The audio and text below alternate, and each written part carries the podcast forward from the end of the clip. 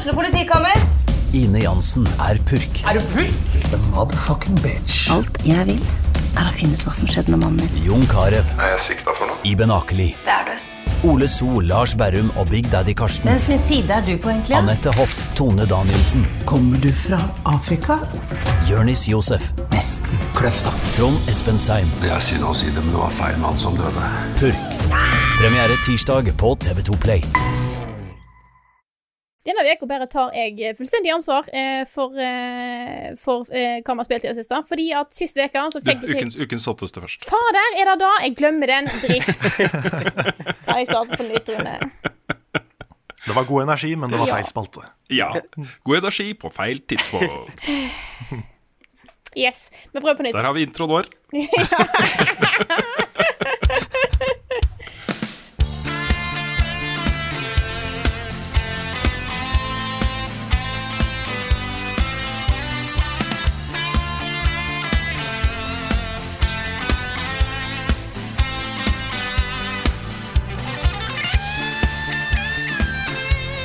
Mange bruker jo denne heimeperioden her på å finne på nye ting. Eksempel naboen min som har bestemt seg for å begynne å pusse opp, som er kjempehyggelig når jeg har heimekontor. Eh, Velkommen til en ny episode av podkasten Level Backup med meg, Frida Danmo. Og Med meg så har jeg som vanlig Karl Martin Hogsnes og Rune Fjell Olsen. I dag med special guest Niklas Halvorsen. Hallo, folkens. Hello! Hei, Frida. Du ønsker velkommen til alle, bortsett fra naboene dine. Ja. Ja. Kan jeg bare si en ting om min nabo? ja. Fordi jeg har begynt å legge merke til nå, fordi det er så stille ellers, så merker jeg latteren til en av naboene mine. Jeg vet ikke hvem, men det er en sånn derre type latter. Og tingen er at vi har jo vært, eh, vært i frivillig karantene, holdt på å si, i nå 14 dager. Og jeg begynner å lure på liksom, er det naboen? Eller er det jeg som, begynt, som begynner å bli gæren? Ah. Kanskje, kanskje ikke den naboen fins, kanskje ikke latteren er ekte, ikke sant? Nei, for den latteren der var mistenkelig lik Max Mekker. Ja. Ja, det er, nei, det var ikke, det var ikke brø. Det var gud. Ja, ikke så langt unna. Det, Ja, okay, ja, det er er sånn ungen til Max Mekker og Langbein. Ja, altså, det høres ut som Jeg er ikke så god på å gjøre den der Krusty the Clown-stemmen fra Simpsons, men det er sånn. Oi. Det er Det kan jo bare være de kun ser Simpsons-episodene med Krusty the Clown på, høy, på full guff, liksom. Ja, Ja. og bare den lyden. Ja, det er fort gjort. Ja. Nei, det er veldig rart. Jeg har aldri hørt noen le sånn på ordentlig. Så det var um, mm.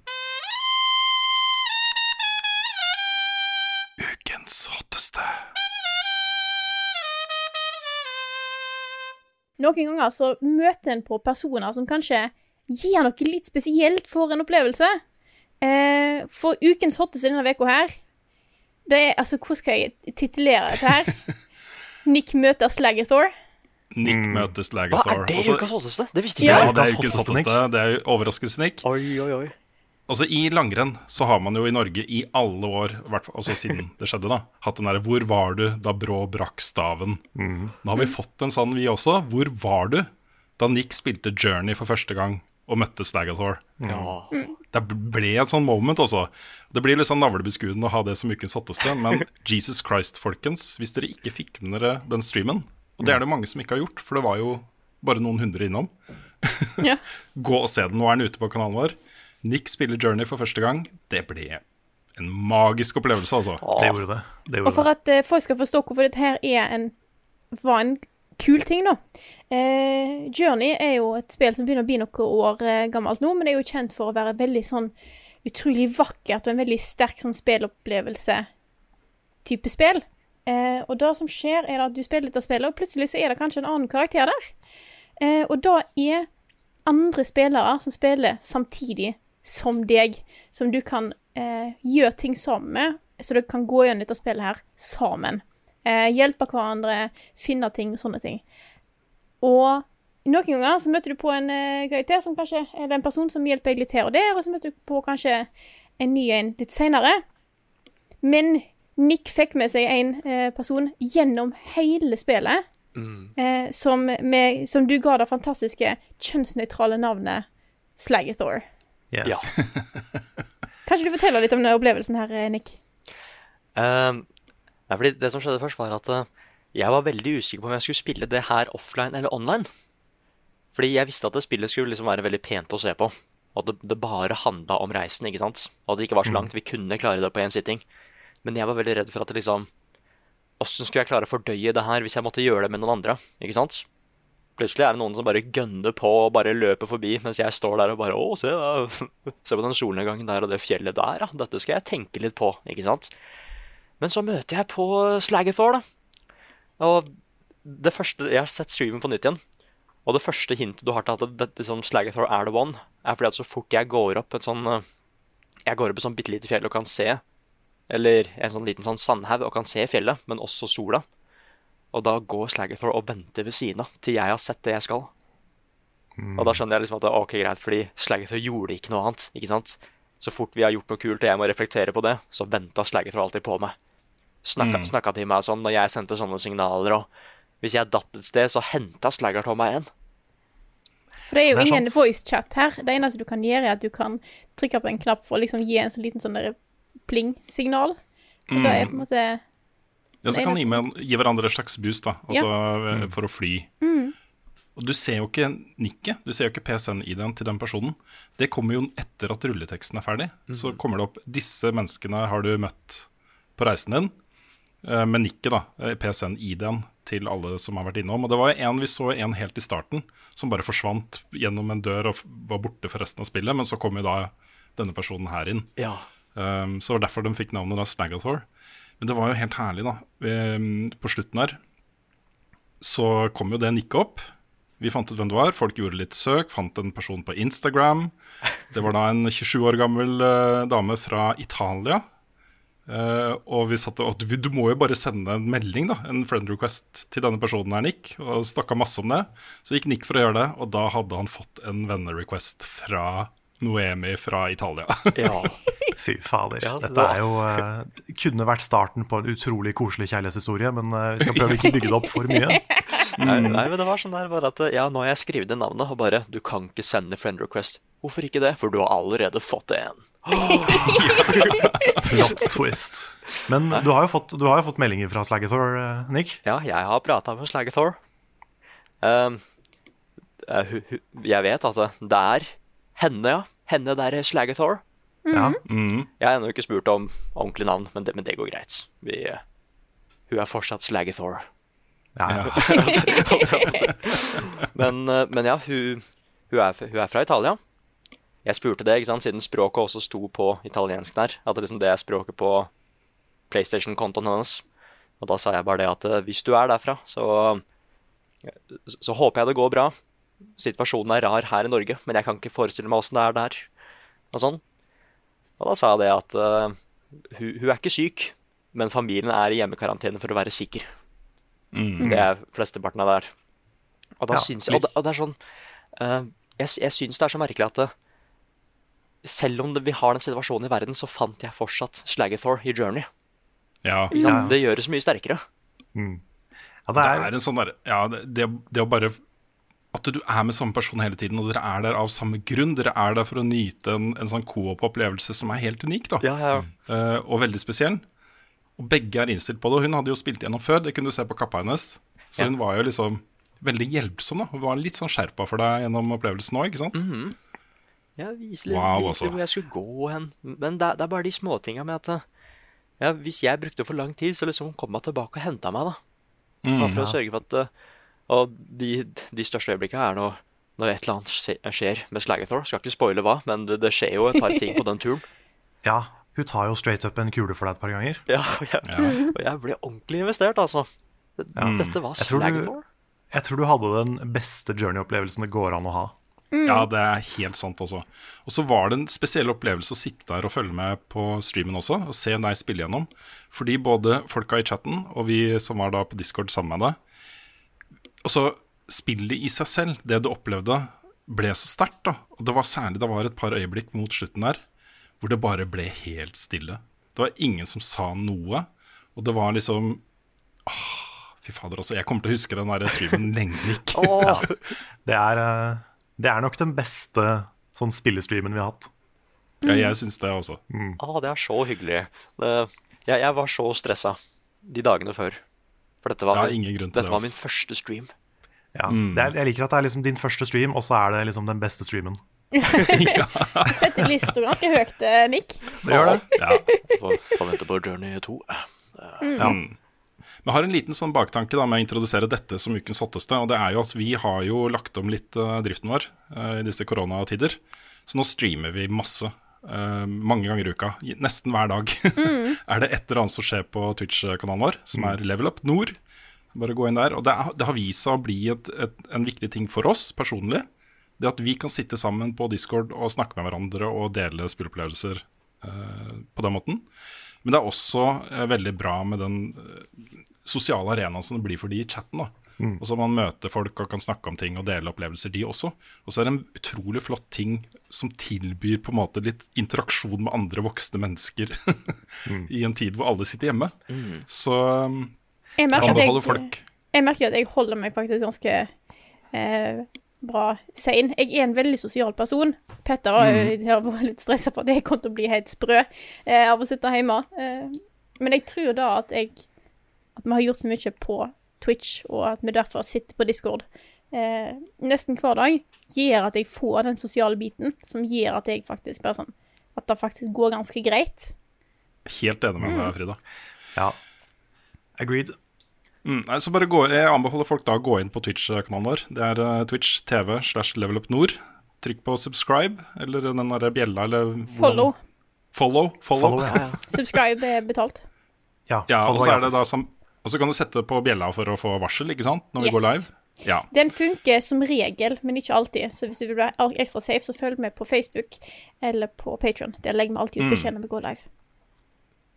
Kan jeg si en siste sånn Slagathor fun fact? Yes. Gjør det. Ja, for hun har jo sett streamen. Ja, stemmer! Ja, og det er uh, Hun syntes det var veldig gøy å se seg selv, selv om hun ikke skjønte noe av det vi sa. ja, men jeg, jeg, det, det er sånn jeg fant ut uh, Fant ut at det var en, en at, at det var en jente. For jeg sa det at det bare sorry for at vi kalte deg for Slagathor. Men vi hadde, vi hadde ikke noe annet å gå etter. Vi måtte ha gender neutral name. da, da korrekta jo det. Herlig, ass. Så det var veldig gøy. Hva har du spilt i det jeg at jeg bare tar ansvar for den spalten her eh, og kjører på først. Rett og slett fordi at sist gang så fikk ikke jeg lov til å snakke om Animal Crossing, fordi jeg hadde ikke fått det. Eh, men nå, nå har jeg fått Animal Crossing. Jeg har spilt det ekstremt mange timer eh, de siste dagene, så jeg ville bare liksom starte med å kunne si at eh, jeg elsker det. Det er et fantastisk spill. Det er akkurat det jeg ville ha. Eh, det er veldig koselig, og det passer veldig bra i en tid som dette her. Eh, går, du går rundt på øya som du utforsker, og så har jeg fiska masse fisk. Jeg har fått masse store, rar fisk. Jeg har fanga insekt. Jeg har betalt ned lånet mitt tre ganger. Eh, jeg har fått masse nye innbyggere på øya mi. Eh, jeg har Nå skal de bygge et nytt bygg. Jeg har fått museum. Jeg har det egentlig bare veldig, veldig koselig. Så, mm. Du, Frida, nå er, altså alle snakker om Animal Crossing nå. Det er liksom overalt. Og øh, øh, hvorfor? Da jeg... Hvorfor har, det blitt, hvorfor har det truffet så utrolig godt akkurat nå? Ikke, jeg jeg, jeg syns ikke det er rart. Altså, men Nei, også... nei, nei. Det Det hørtes ut som en sånn what the fuck? ja, ja, men det er litt det, da. Det er litt det, for det har ikke vært så stort før. Nei, nå er det det. veldig sånn Folk omfavner det så utrolig mye, da. Mm. Jeg ser halve, halve Twitter-feeden min er Animal Crossing. Ja, Jeg tror det handler litt om Én ting. Eh, først, først og fremst vil jeg gi skryt til Nintendo sitt PR eh, eh, sin PR-avdeling. For de har vært veldig gode på å faktisk broadcaste dette spillet ut til folk. Veldig tydelig i flere måneder nå. Og da tror jeg òg selvfølgelig har gjort at folk, eh, flere folk har sett at dette spillet fins.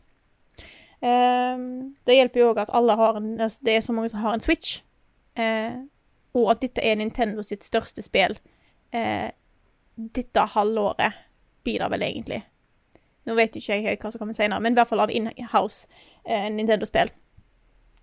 Men kanskje viktigste tingen er da at det er et veldig sånn koselig avbrekk fra alt annet. Du har ingen stressende oppgave eh, som skal gjøres. Det er bare eh, avslappende hygge der du kan gjøre det du vil. Hvis du har lyst til å gå rundt og lage en fin hage og eh, plante blomster og på en måte bare dekorere øya sånn som du sjøl vil, så kan du gjøre det. Hvis du har lyst til å fiske alle fiskene, så kan du gjøre det. Hvis du har lyst til å bruke tid på å innrede huset ditt sånn som du vil, så kan du gjøre det. Du har ingenting som på en måte nødvendigvis må gjøres, som er noe hast på. Eh, og i tillegg så er det et spill som er veldig sånn eh, Det er bedre å på en måte ta det opp litt hver dag enn at du spiller dritten ut av det i tre dager. For det er ikke sånn det spillet funker. Og da Nei, det er at det er sånn, det er sånn kalender i spillet som følger uh, real life-dager, ikke sant? Så ofte så er det at eh, La oss si at du har fått mulighet til å oppgradere en bygning. Så sier de ja, eh, da har vi stengt i morgen, for da må vi bygge. Så kommer du dagen etterpå, da er det stengt. For da holder de på å bygge nye ting. Og så dagen etterpå der, så eh, har da bygget åpna. Ja, effektivt. Så det Ja, da er det sant. Så det er, det er mer da at du ser fram til noe hver dag. Jeg har ikke spilt det eh, ennå i dag, eksempel. Jeg gleder meg til å starte opp, for da vet jeg at eh, nå skal de begynne å eh, Eller nå, det er ikke så mye som skjer for meg i dag, for akkurat nå skal de begynne å bygge en ny bygning. Eh, så jeg sitter egentlig bare og venter på den. Men jeg hadde en eh, ny innbygger som flytta inn i går. Eh, og da kan du liksom ikke snakke så mye med den personen, for den er bare opptatt med å pakke ut alle tingene sine i huset sitt. Du går og sier bare sånn Hei, ja, jeg har nettopp flytta inn, og kjekt å se deg, og jeg er opptatt med å bare åpne disse eskene mine, så kanskje vi snakkes mer i morgen. Så nå i dag vet jeg at da kan jeg gå og endelig snakke med den personen her. Oh. Eh, og det er jo ikke til å skubbe under en stol at det er jo perfekte tidspunktet at dette spillet kom ut. Ja, Det er jo ja det er helt sant, faktisk eh, liksom perfekt eh, timing.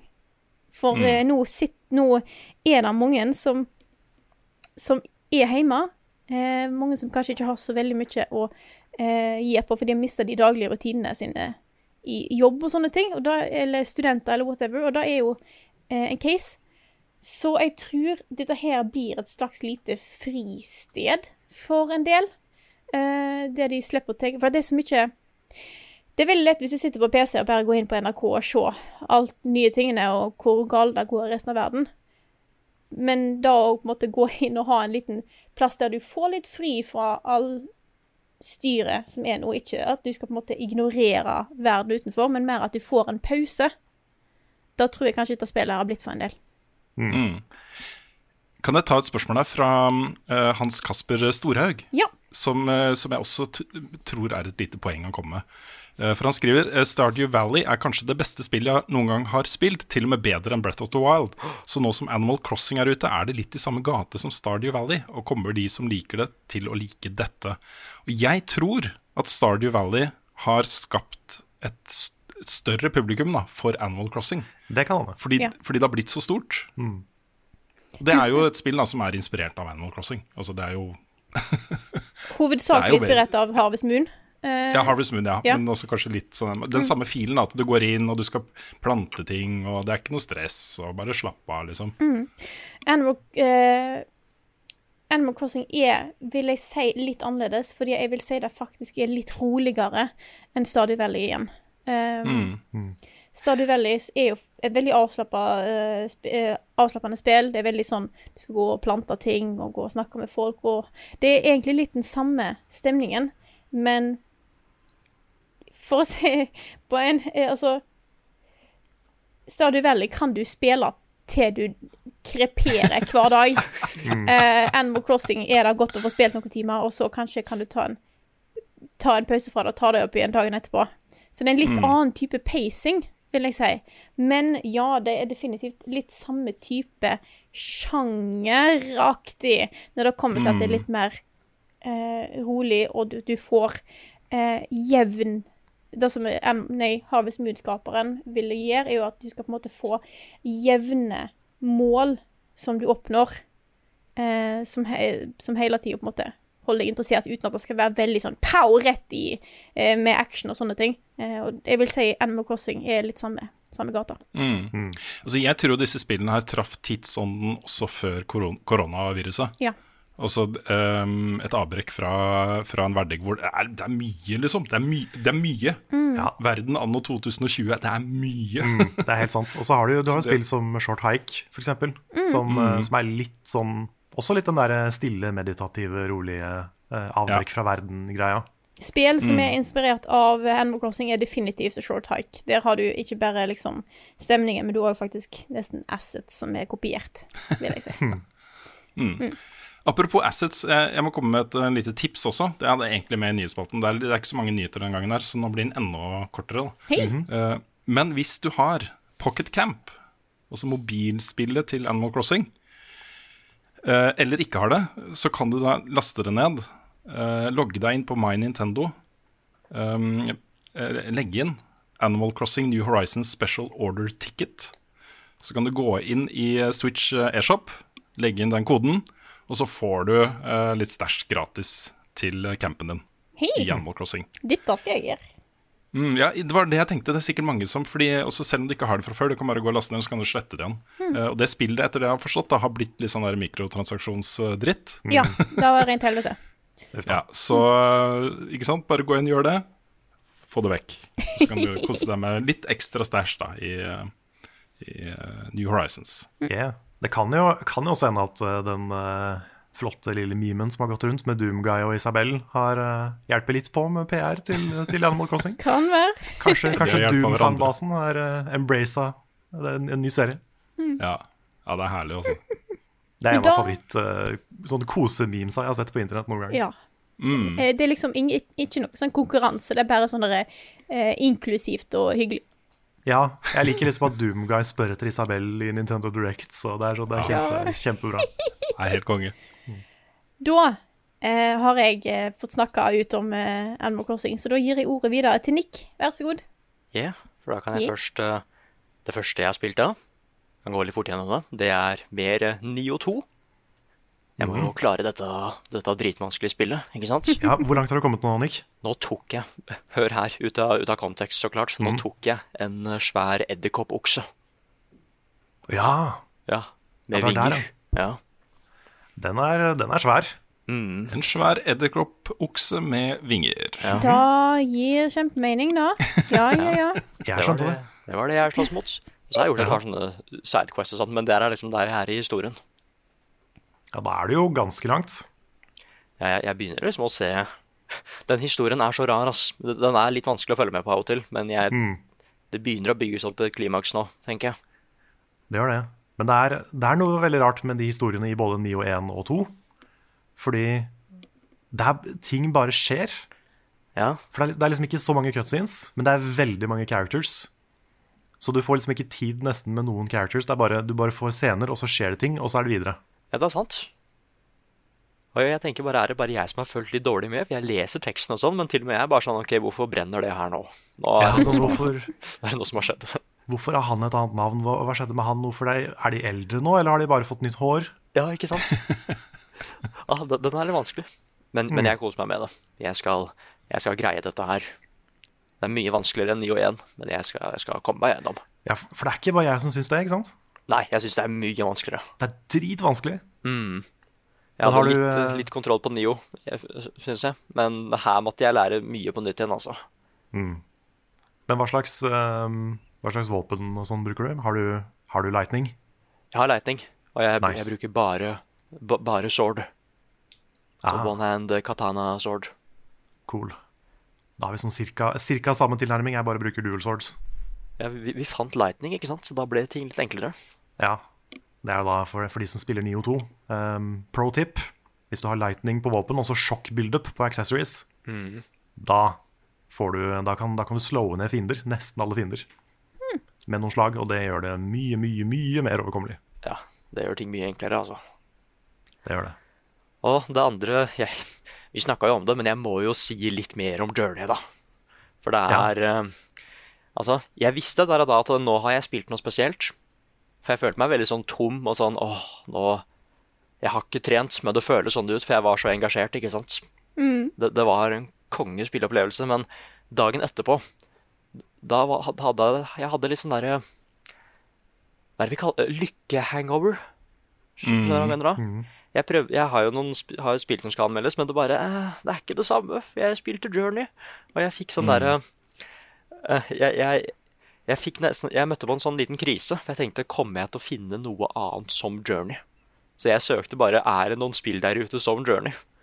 Og da fikk jeg mange sånne der risten bare Nei, det er ikke helt det, altså, men vi kan prøve å hjelpe deg litt, da. Nei, du har ting som ligner litt. Sånn Bound og sånn, men du har ikke den der eh, Den coop-delen. Den Surprise Friends. Nei, det er liksom, det er liksom Jeg prøver bare å Ah, Jeg, jeg, jeg veit ikke helt. Altså. Jeg prøver å finne noe som er likt. Få den opplevelsen igjen. Det var så sterkt. Ja.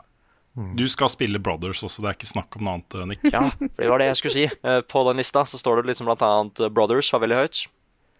Så- Sånne, liksom, sånne emotional spill som jeg også kan spille i én setting. Det var også det som gjorde Journey. ikke sant? Jeg kunne Mm. spille gjennom alt med Slagathor. Og det at jeg hadde med dere også, ikke sant. Det, ah, det, det er en av mine store spilleopplevelser. Jeg, jeg klarer liksom ikke helt å beskrive hvor, hvor glad jeg er i Journey nå. ass. En av mine store spillopplevelser også. Jeg så bare på. så jeg skjønner jeg godt, Nick. Ah, nei, så jeg bare jeg, jeg ble redd. Bare har jeg Is this all? Er dette her alt? Er det ikke noe Mm. mer som minner meg om Journey? Men nei, så uh, Brothers var på lista. Um, det første Ori. Det har jeg heller ikke spilt. Det var på lista. The Last Guardian har jeg heller ikke spilt. Det var på lista. Oi. Ja, Så det er en uh, Thomas Was Alone, eller hva den heter, var også på lista. Heller ikke spilt Stanley, Stanley Parable. Det er masse Og Stanley Parable er en kul stream. Og den er gratis. Det er gratis på Epic Games Store akkurat nå. Er det det? Ja. Hei. Fett. Nei, så det, det er mange streamingmuligheter her, altså. Er det?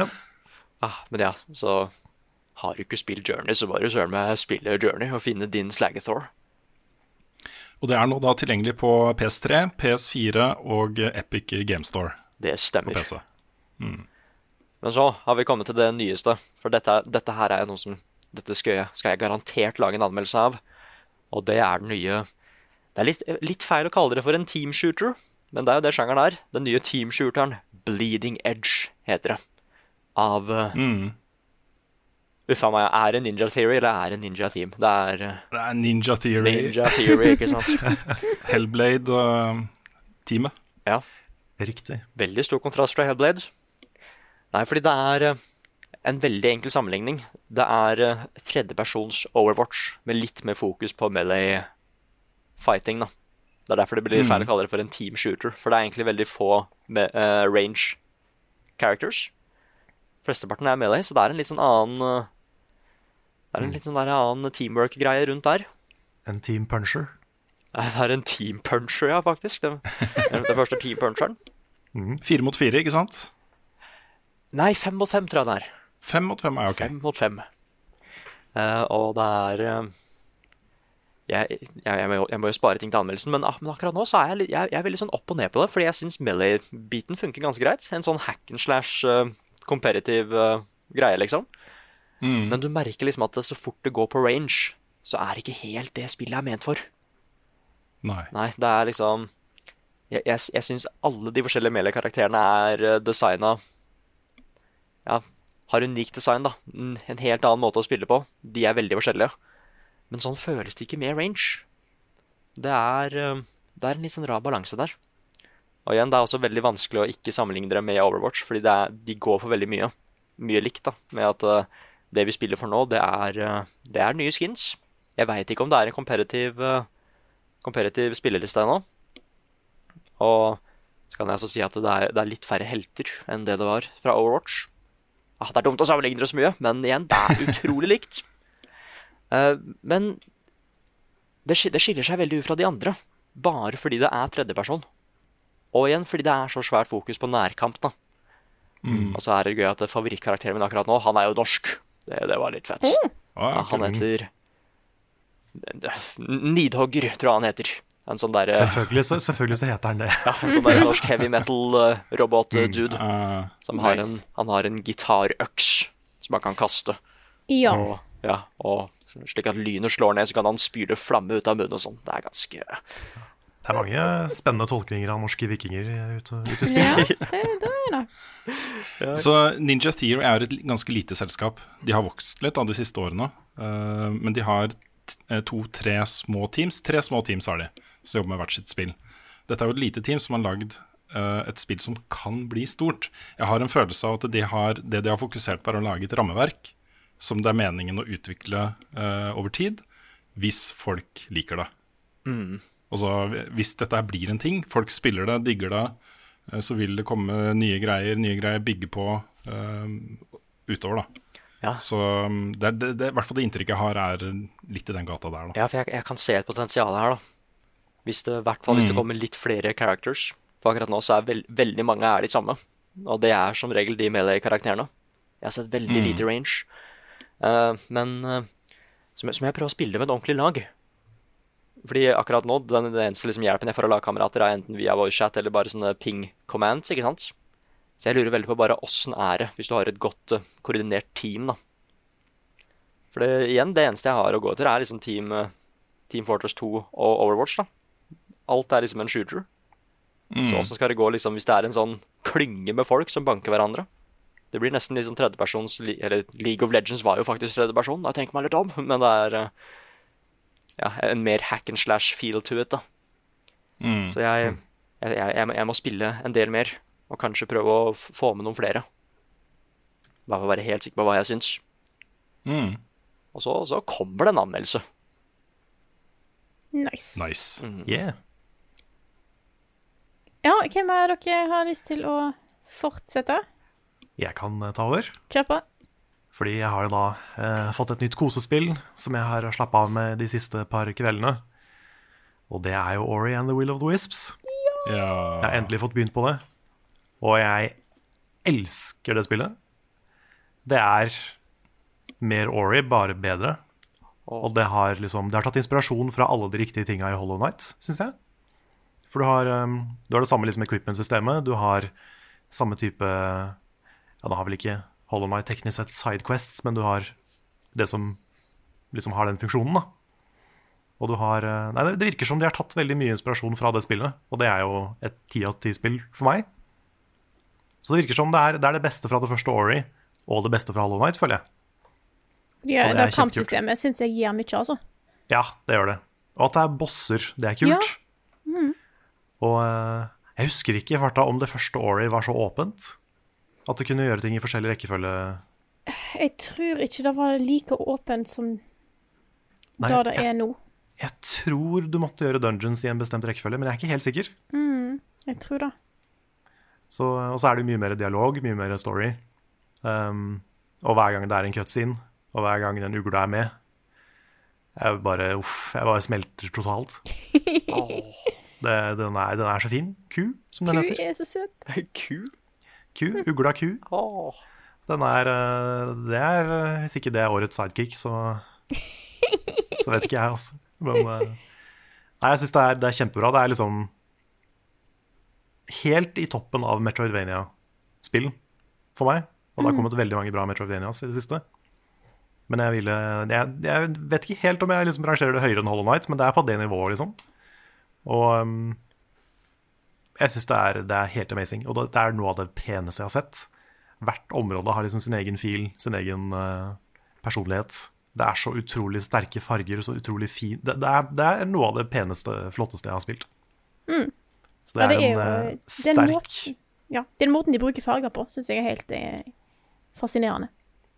Så en, en sterk Game of the Year-contender allerede. Wow. Dæven. Så jeg elsker det spillet. Vi har prata om det før, så jeg, trenger ikke å si så mye mer. Men jeg, jeg har kommet ganske langt, så jeg tror jeg har Jeg fikk vel nettopp den siste Wispen. Okay. Så nå er jeg, tror jeg ikke det er så veldig mye igjen. Hmm. Så nå, eh, nå gleder jeg meg til å se hva, hva, hva det siste er. Kult. Er du ferdig? Jeg er ferdig. Da er det bare meg igjen, da.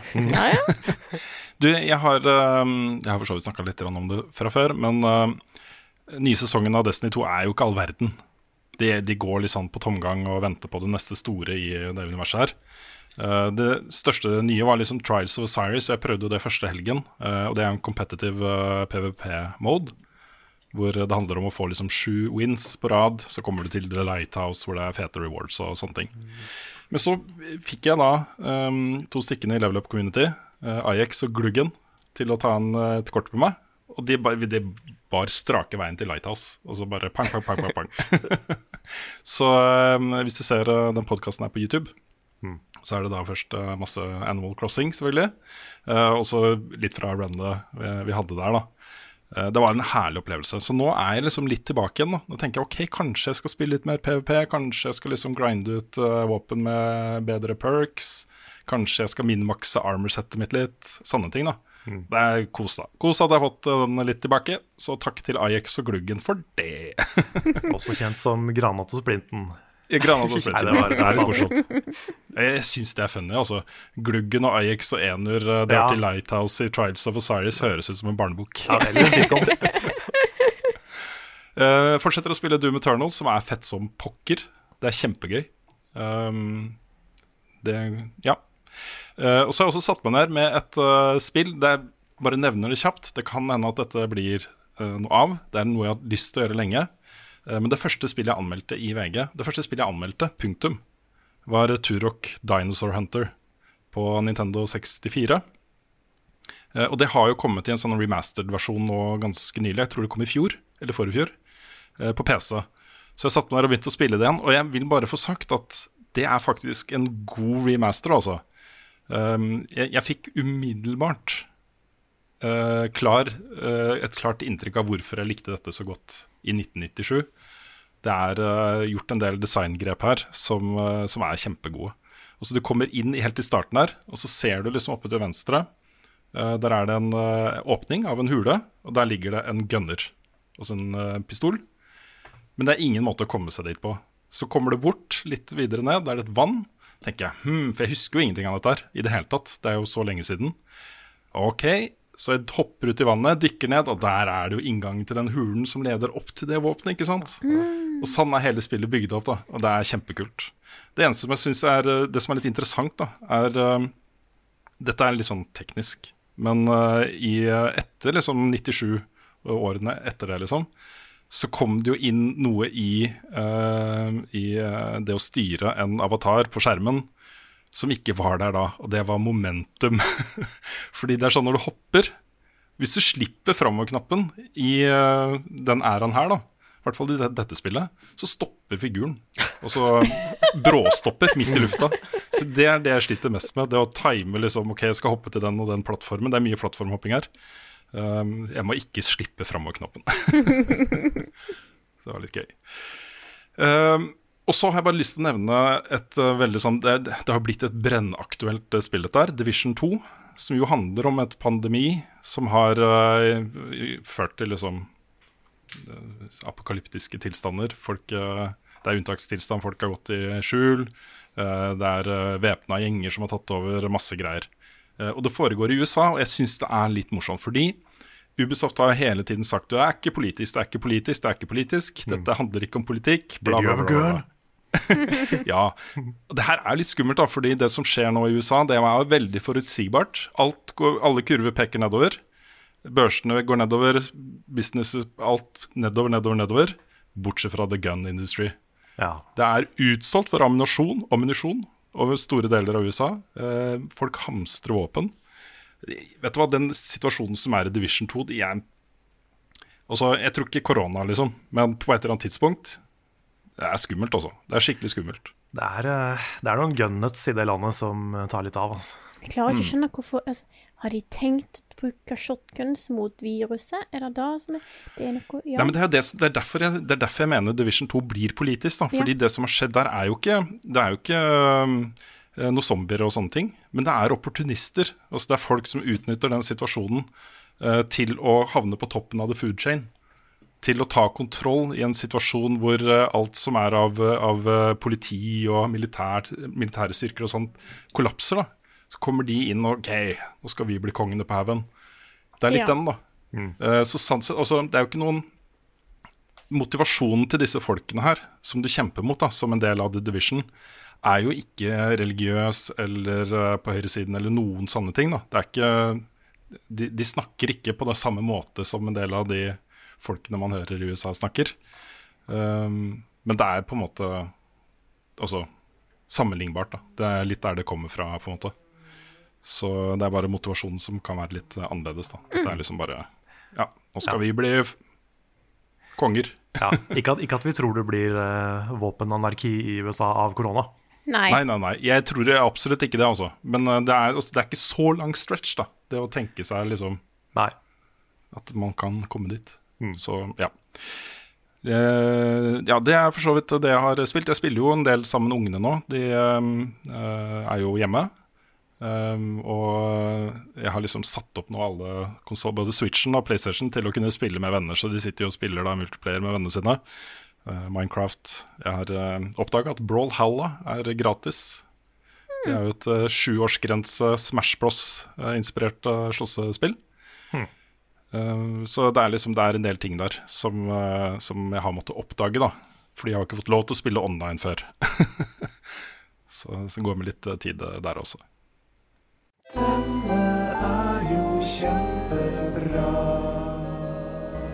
Ukens anbefaling. Det er jo mange som meg nå, som jobber hjemmefra. Og jeg eh, Jeg skal ikke si at jeg går helt på veggen, men det er litt da at jeg hele tida er i det samme rommet. Gjør meg litt sånn eh, Ting går litt i ett, da.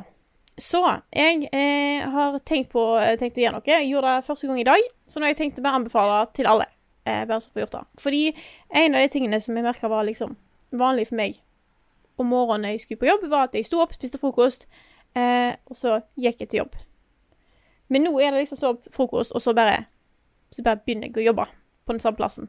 Så jeg har nå tenkt å begynne, eh, begynt i dag, tenkt å gjøre det hver dag. Etter frokost, ta meg en tur, Mm. for bare komme meg ut litt. Bare ikke noe spesielt langt, bare litt ut, bare så jeg på en måte får en, på en måte, Nå skjer det noe annet. Mm. Avbrekk ting. Og så jobbe. Mm. Så det er egentlig egentlig min anbefaling. Jeg, altså, ikke noe sånn eh, fancy greier, men bare ta en Etter frokost, bare gå ut en tur. Mm. For da får en liksom den Den, den breaken, da. Ja, Det er ikke dumt, altså. Jeg har jo, eh, vi har hjemmeskole her, vi må jo det. De får jo oppgaver via uh, en sånn egen app på iPaden.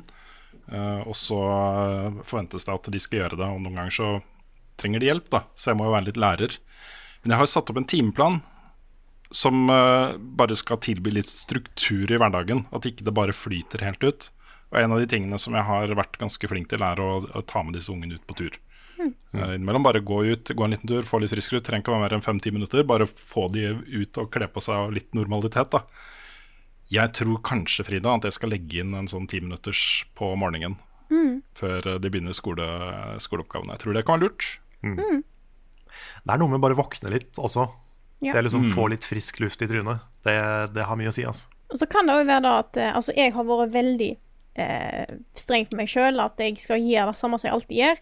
Jeg skal gå Altså, jeg har på meg vanlige klær. Jeg tar meg alltid en dusj om morgenen, for jeg tror visstnok hvis du bare på en måte lar det skli helt ut Jeg merker at jeg føler meg mye mer vel med meg sjøl eh, når jeg gjør sånne ting. Dette er en viktig ting det har jeg vært veldig streng på uh, sjøl. Uh, Jeg, jeg ser logikken i det du sier, Frida. Jeg sliter litt med å følge opp akkurat den der sjøl, ass. ja. Ja, jeg, jeg også tar en dusj om morgenen, men jeg må innrømme at det har vært mye kosebukse siden dette her starta. Men jeg tenker jo at hvis du da, hvis du da for eksempel må ta deg en tur ut, så kan det være dag pushe pusher deg til å på en måte ta på vanlige klær og komme inn i den Mm. settingen. Det er sant? sant. Det er sant. Yeah. Kan jeg følge opp med en anbefaling til?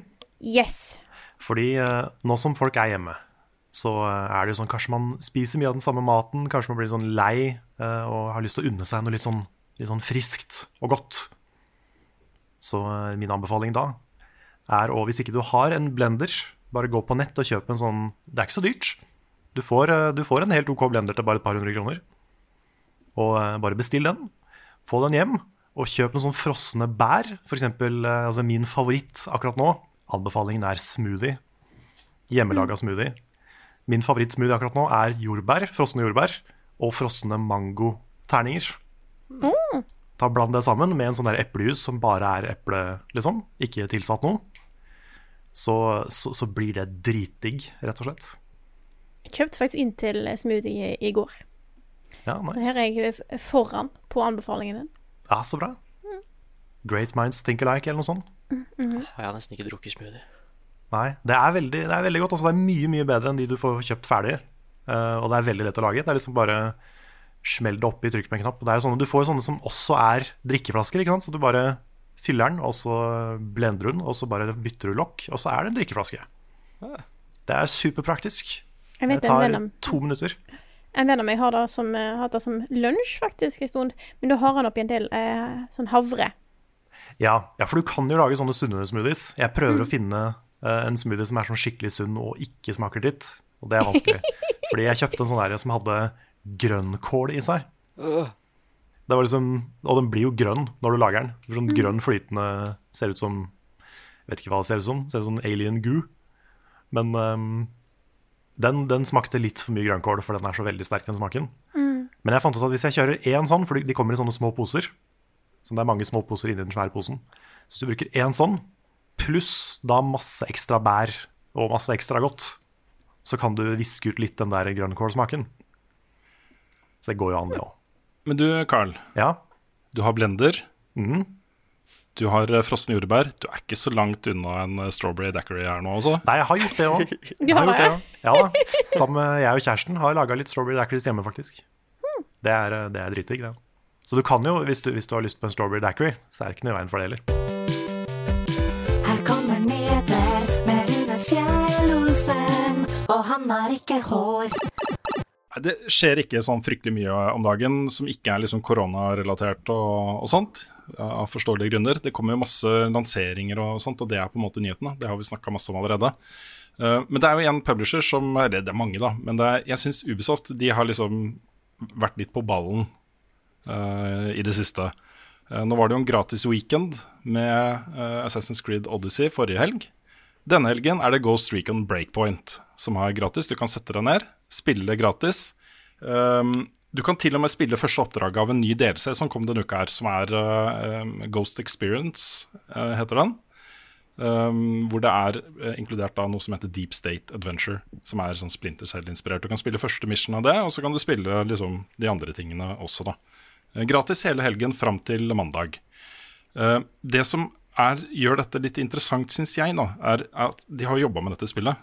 Uh, Forbedra det, videreutvikla det. Det ble ikke så godt tatt imot da det kom i fjor. Eh, det som er inkludert nå i den nye updaten, er en immersive mode, hvor du har mye mindre tilgang til ressurser eh, og må være mer taktisk, rett og slett. Så jeg har litt lyst til å teste dette her, jeg. må jeg innrømme. Det er eh, både på PC og konsoll som, eh, som det er gratis nå i helgen. Og det er også sånn at hvis du liker det, så er det 70 avslag da, på å kjøpe hele spillet. De har også um, akkurat nå, fram til 28., Child of Light gratis på PC. Nice. Child of Light gratis på PC. Det det er kanskje litt urettferdig. Ja, og det er kanskje litt urettferdig at jeg bare nevner Ubisoft her, men det er masse, det er masse tilbud overalt nå på eh, både avslag og gratisspill og alt mulig rart. Så bare sjekk eh, plattformene. Sjekk eh, eh, PlayStation Store. Sjekk eh, butikken på Xbox, eh, Steam, Epic. Det ligger masse overalt nå. Så det syns jeg eh, er Witcher 3 var på tilbud, blant annet. Det er vet ikke så Mm. dum. eh, Da har du noen timer, da. Da har du noen timer. Men, men, altså, men Child of Light gratis, det er et Mm. bra spill å gi bort. Altså. Det, ja. det var nesten mitt game of the year det året det kom. Det er jo et uh, litt sånn sidescrolling, um, turbasert RPG-spill. Mm. Som har en utrolig fin sånn visuell stil. Det er laga av de samme folka som uh, står for grafikken i Rayman Legends og Origins. Så det er sånn Ubi Det er, sånn Ubi-art, tror jeg det het. Og de har vel ikke laga så mye etterpå, tror jeg.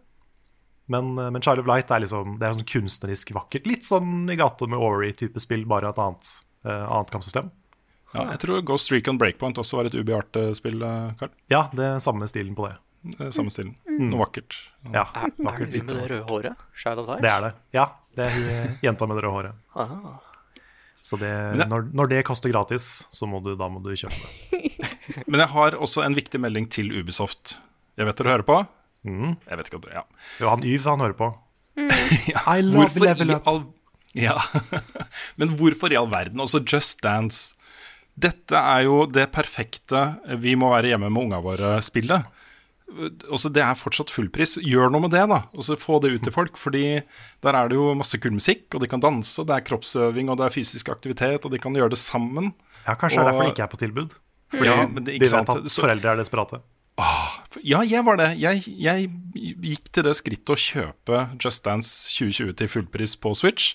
Rett og slett fordi um, det var et sånn herlig kompromiss, da. Eh, ungene må være litt i aktivitet. Eh, de har mest lyst til å sitte og spille når de er ferdig med skoleoppgavene. Da legger vi inn Just Dance som kroppsøving, og de syns det er kjempegøy. Men er det eh, Hvordan funker det? For jeg vet at eh, Altså, jeg har sett litt Just Dance, og da har det av og til vært med Er det kamera som merker hva ting du gjør, eller? Ja, på Switch så måler den kun hvor du har uh, joycon. OK, så det er med joycons, ja. Mm. Ja, én joycon, så det er bare den ene hånda di. Så jeg, det ser av og til når, eh, når sønnen min blir sliten, så setter han seg bare ned, så sitter han liksom og småveiver litt med den joyconen. Det. Mens dattera mi er helt med og skal ha alle movesa og sånt. Og han uh, sa meg også det, da. Men fram til et visst punkt så tenker han nå, da tar jeg litt pause. Ja, Ok, det Men er jeg kan i hvert fall også, anbefale ja, Ja. Det, det er også prima anledning nå for å skaffe seg Ring Fit Adventure. Ikke sant? Ja. Det, hvis man får tak i det, for jeg har hørt at det er utsolgt en del steder. Mm. Vi går videre til eh, en annen eh, level up-favoritt, nemlig Outer Wilds, som kommer på Steam 18.6. Da er eksklusiviteten med Epic Games Store over 18.6. Så ny sjanse da folk, eh, for folk til å få med seg det som var et av fjorårets aller, aller, aller beste spill. Yes. Og så tar jeg med et spørsmål her fra Kristoffer Skjørestad, som spør Tror dere Half-Life Alyx er Valve sin måte på å teste mulighetene for et eventuelt Half-Life 3 i VR? Og jeg har det med fordi Half-Life Alyx ble jo lansert forrige uke. Kun VR. Eh, I kjølvannet av det så har Valve gjort en del intervjuer hvor de har snakka om en sånn økt entusiasme for Half-Life-universet i Valve. Det er mange som har lyst til å jobbe med dette her nå. Og de sier rett ut at det kommer ikke til å ta 13 år før vi får se mer Half-Life. Så håper jeg ikke det betyr at det vil ta 12 og et halvt. Nei, Eller 14. Eller 14. Men uh, Alt annet enn 13. De, ja, de, de hinter da i hvert fall om at uh, vet du hva, det vi, ja, vi skal gjøre noe med dette her. Så eh, det kan hende at eh, vi får se et Half-Life 3. Plutselig så kan vi få se et Half-Life 3. Jeg må få spille Half-Life, altså. Ja. Så en liten glad nyhet helt på tampen. Elden Ring får musikk av Yuka Kitamura. Som er hun som lagde musikk til Bloodborne, Dark Souls 3 og Sekiro. Det er helt perfekt. Mm, Helt perfekt. så, det er jo litt, litt forventa også, kanskje, men, men Jo, jo. good to know. Ja, jeg ville bare si det. Ja, Da får jeg sånne bilder i hodet med en gang av hva Ja. Elden Ring kan være. ja ikke sant? Fordi du har den der storslagne, de, de fantastisk epic boss-themesa. Mm. Jeg har jo sittet og sett på kjæresten spille Bloodborne, og den derre Jeg legger så mye mer merke til musikken. Mm. Som i Ludvig og eh, Lady Maria, Orphan. Det er liksom alle boss-themesa er så bra. Ja. Det, det, det er noe av det mest sånn sto, store, uh, mektige jeg har hørt noen gang av spillmusikk. Mm. It's so good. Uh, hva kommer egentlig nå? Jeg har ikke peiling. Hva kommer nå? Wildcard-spalten denne gangen er basert på et spørsmål vi har fått inn fra Mathias Brattvold Nervik. Han skriver Hva er deres personlige topp tre spill i henholdsvis Super Mario og Zelda-seriene? Tenker her på kun spill i hovedserien, altså, eller seriene, altså ikke crossovers eller spin-offs, som eksempel Mario pluss Rabbids eller Mario Kart og lignende. Så vi har satt opp hver vår topp tre Mario og topp tre Zelda-spill. ja. Det kan hende at det blir eh, fire ganske like lister, men ikke helt sikkert. Ikke, helt. like. Jeg tror ikke det blir helt. Nei, det da tror det ikke jeg heller.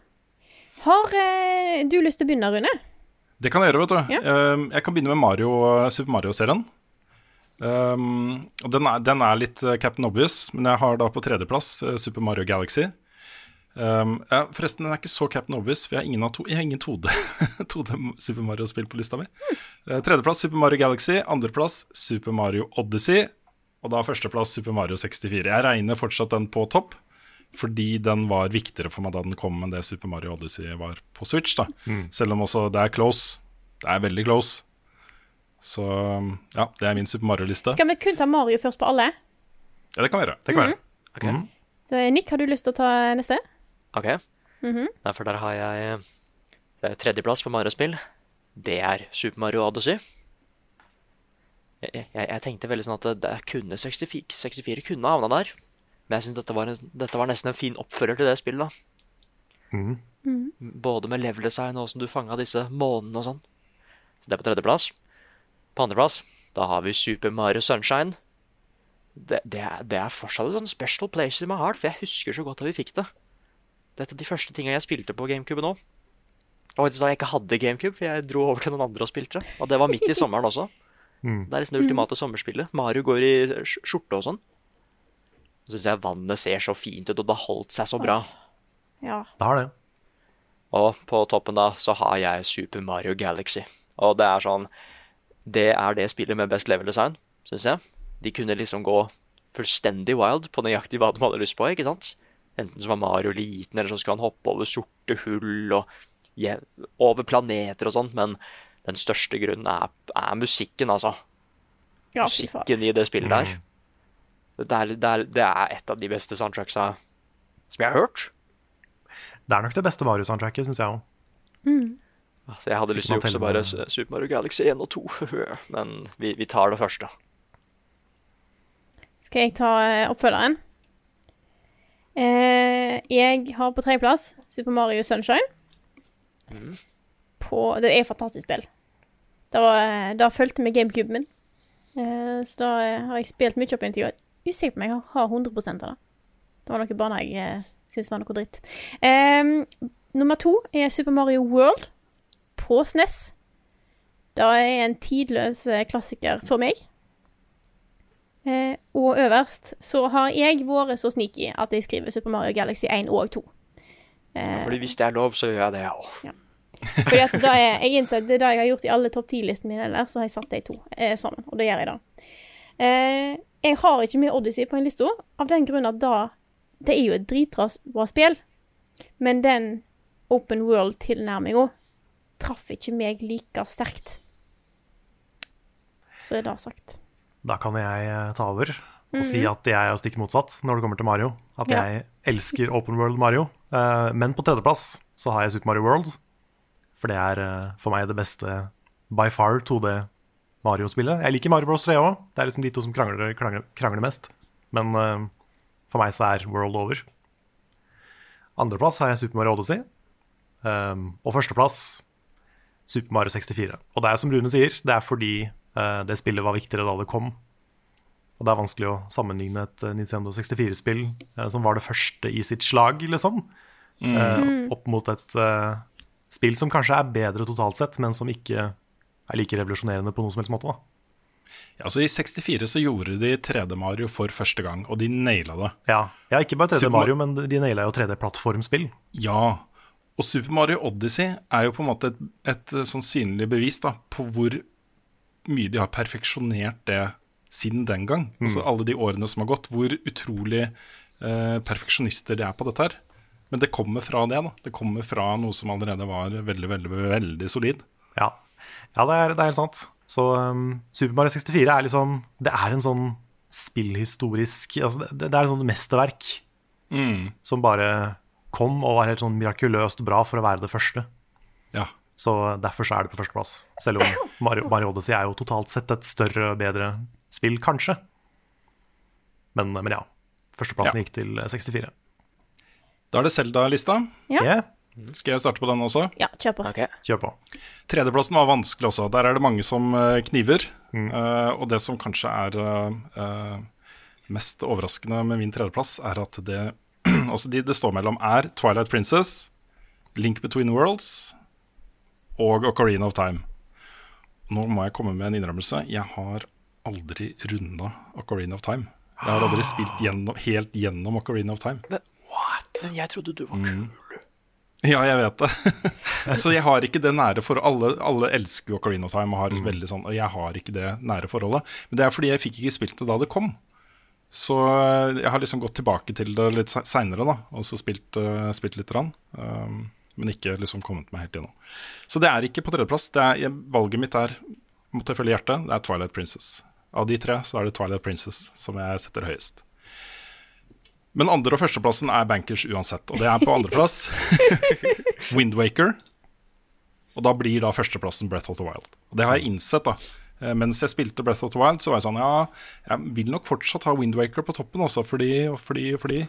Men eh, sånn med litt avstand så eh, må jeg bare innse at Breath of the Wild er mitt favoritt-Selda-spill. Det, det er lov å innse, da. Det er det. Skal vi ta samme rekkefølgen nå òg, eller har du lyst til å være litt tidligere, Carl? Jeg kan godt ta nå. Ja, ta nå, du. Ok, da, da sier vi tredjeplassen var, som Rune også sa, veldig vanskelig. Mm. Så jeg har lyst til å si bare alle. Men, eh, men jeg også må jeg, må jeg vurderte faktisk Link's Awakening, fordi jeg syntes det var så utrolig bra eh, da jeg anmeldte det. Og når jeg tenker sånn tilbake nå på hvilke Zelda-spill jeg kunne tenke meg å spille igjen, så er det ganske høyt. Men, eh, men det ble Twilight Princess på, på meg òg. Og på andreplass har jeg satt Majora's Mask. Uh, og det er jo mest pga. stemning, uh, pga. Uh, historien og alt det sånn underliggende dystre, rare som er i det spillet. Um, sånn Gameplay-wise så er kanskje Ocarina et par hakk bedre, men jeg syns det andre veier opp. da. Så uh, Ocarina er ikke på min topp tre, og det vet jeg kanskje er kontroversielt. Men uh, førsteplassen er selvfølgelig Breath of the Wild. Mhm. Har du lyst til å fortsette, Nick, eller vil du avslutte? Nei, jeg kan ta den òg. Ja, kjør på. Ok, fordi jeg sleit også skikkelig med tredjeplassen. Eh, ja, men det er jo litt fordi altså, Det er jo litt interessant, da, fordi er det én ting den serien er kjent for, er det jo at alle spillene er bra. Ja. Alle spillene i hovedserien er skikkelig bra. Noen mer enn andre, men alle er bra. Det er helt sant. Nei, så for eksempel, hvis, hvis jeg kunne, så hadde jeg hatt med uh, Link's Awakening, det originale. For det er det første Zelda-spillet jeg spilte. Um, og så hadde jeg også hatt lyst til å ta med den der Legend of Zelda Oracle of Seasons and Oracle of Ages. Fordi det var det første Zelda-spillet jeg eide. Og da husker jeg det fordi jeg har jo min tvillingbror Niklas 2. Vi fikk hvert vårt spill, ikke sant? Så det, det var litt kult. At mm. uh, Nicathor. Ja, Nicathor, ja. ja det, det, det, det var liksom den der Pokémon-følelsen, da. At vi kunne få to forskjellige ting, men det var teknisk sett det samme spillet òg, men ikke helt. Og det var spesielt kult med, den, med Zelda, fordi der var historien så annerledes. Men ok, på tredjeplass da Der har vi Ocarina of Time. Det er det første på Nintendo 64. Som jeg, jeg syns nok kanskje har Jeg syns nok det har den beste Zelda-historien. Mest fordi at det er dette Å, Får jeg lov til å spoile det? Får jeg lov til å spoile det? Hvis, og tenk hvis det er noen som ikke veit det. Jeg, jeg tror det er lov å spoile Corina nå. ja, Ja. for, det, for det, er, det er disse time travel-greiene jeg syns er så Mm. kult. Og disse paradoksene som du lager. Og jeg husker at det var så sykt ekkelt. For bare «Jeg skal til fremtiden, vet. Det kommer til å bli så fett'. Men det var det ikke. Det er ikke så fett. Det er ganske, ganske trist. Det er en så kul måte å bygge opp liksom, hovedkonflikten på. Altså. Mm. At ja, dette er det som skjer hvis du ikke greier og sånn. Jeg hadde lyst til å ta med Majora's Mask òg, men jeg, jeg får litt sånn derre Jeg hadde ikke noe problem med det før, men jeg får skikkelig sånn der angst av å spille det nå. Jeg skjønner hva du mener. På grunn av tid og, og sånn. Ja. Og Ja. bare temaene som er der, og åssen folk reagerer på det som skjer. Og bare, ja, nei, det er, det er et eller annet med det som jeg ikke takler nå. Altså. Nei, det er, det er ordentlig ubehagelig. Jeg skjønner veldig godt hva du mener. Mm, det, det var ikke noe problem da jeg var liten. Men så ble jeg litt mer voksen, og da, da ble det plutselig dritskummelt, de greiene der. Tok kanskje ikke inn over, deg alt som skjer ordentlig når du er yngre. Nei. Dette er sånn her, du, får, du får en sånn her, eh, litt sånn intim følelse av verdens undergang. At liksom folk benekter at det skjer, og så blir de mer og mer stressa, og noen bare fortsetter å jobbe og later som ingenting. Ja, ja, ja. Det, er liksom, det er ordentlig ekkelt. Mm. Nei, Selda skal jo ikke være sånn. Nei. Det er sånn at det å dra til fremtiden var ekkelt, det òg, men dette var liksom Dette føltes for ekte, ikke sant? Det er, det er sånn Cosmic Horror-Selda, nesten. Ja, men det er akkurat det det er. Det Mm. er for stort. Så, så det var litt ekkelt. Men ja, og da har vi på min andreplass, da Dette er litt funny, for der har jo jeg Breath of the Wild. For, for jeg syns jeg, Breath of the Wild er et av de beste open world-spillene jeg har spilt. Det er nesten helt på toppen av lista, altså. Det er helt konge. Men jeg syns ikke det er et så bra Zelda-spill. Ah, ja. Jeg, jeg, jeg, har- jeg har sånn derre Jeg syns det er veldig gøy å utforske ting i mitt eget tempo og sånn, men det kunne vært annet Det kunne vært en helt annen setting òg? Og fortsatt vært like bra, føler jeg. Jeg, jeg, jeg mangler den der Zelda-personligheten fra det spillet. Og liksom den der, Ja, hvor spennende det er å dra til nye dungeons, da. Historien, altså nesten hvert Zelda-spill har jo en egen law ikke sant, som jeg kan dy liksom, dykke dypt ned i. Og det er det, det, er det her òg, men det er bare for å liksom bygge opp den startsettingen. Og det er ikke så mye mer, syns jeg. Det var veldig gøy å utforske ting og sånn, men det, det føltes ikke ut som Zelda for meg. Og derfor er den på andreplass. For igjen, det er et dritbra spill. Jeg forstår tieren, liksom. Det er Jeg, jeg veit ikke helt hvor det er. Det er nesten ned på toppen av lista når det kommer til Open World. Kanskje jeg har Reddit på toppen, det, er, det kan nok hende. Men det er dritbra der. Men det var ikke helt eh, det jeg forventa når det kommer til Zelda, da. Da trodde jeg at det skulle være noe annet også. Det er lov. Mm. Mens på toppen, da, der, der har jeg Wind Waker. Det er det, er det, det er det spillet hvor jeg fikk sånn uh, Hver gang jeg tenker på Zelda, så skal hun ut på eventyr, ikke sant? For du har Mm. fått et kall. liksom, ja, ja, jeg hadde fått et kall. Du har blitt chosen. Du er den eneste som greier det her. Og ingenting har gitt meg mer den følelsen som da du drar på havet for første gang med den båten. Mm. Det, det, det er fortsatt liksom mitt favoritt-Selda-soundtrack. Og spesielt da den sangen der, The Great Sea. Mm. Ja, den er helt fantastisk. For jeg, jeg fikk sånn derre Å, fy fader. er- det, altså, alt er åpent, jeg kan dra hvor jeg vil, ikke sant? Hva er der borte? Der er en øy der borte, ikke sant? Men apropos Wind Waker, har dere sett den eh, YouTube-videoen som eh, mener den har funnet Outset Island i Breath of the Wild? Nei. Nei. Den er kul. Du kan liksom se Altså, det er, ikke, det er ikke helt likt, siden det bruker jo Breath of the Wild assets, men det er en mm. ganske sånn compelling eh, begrunnelse på hvorfor det, det der er Outset Island. Den her må du sende link til, Carl. Jeg skal prøve å finne den. Ja. Da må jeg se. Da tar jeg min. Kjør på. Jeg hadde problemer med tredjeplassen. Er, men, men jeg, altså problemet mitt eh, er at min topp tre er veldig klart definert. Jeg bare vet ikke hva av andre- og tredjeplassen jeg skal ha i hva rekkefølge. Eh, og da kommer ned til at det ene har jeg spilt i nyere tid enn det andre. Så jeg er ikke sikker på om jeg klarer å vurdere de opp mot hverandre på en god måte. Så jeg bare tar det med en klype salt her. Eh, disse tror jeg egentlig står på en delt plass, men jeg tar det likevel i den rekkefølgen jeg har satt opp. På tredjeplass har jeg Skyward Sword. Det for meg er en fantastisk selvopplevelse som jeg syns har så mange kule mekanikker og bruke det på så mange stilige måter. Eh, jeg ser det veldig mange som etterspør en, en Switch remake, og det tror jeg blir vanskelig med måten eh, de bruker Wii-kontrollerne på, dessverre.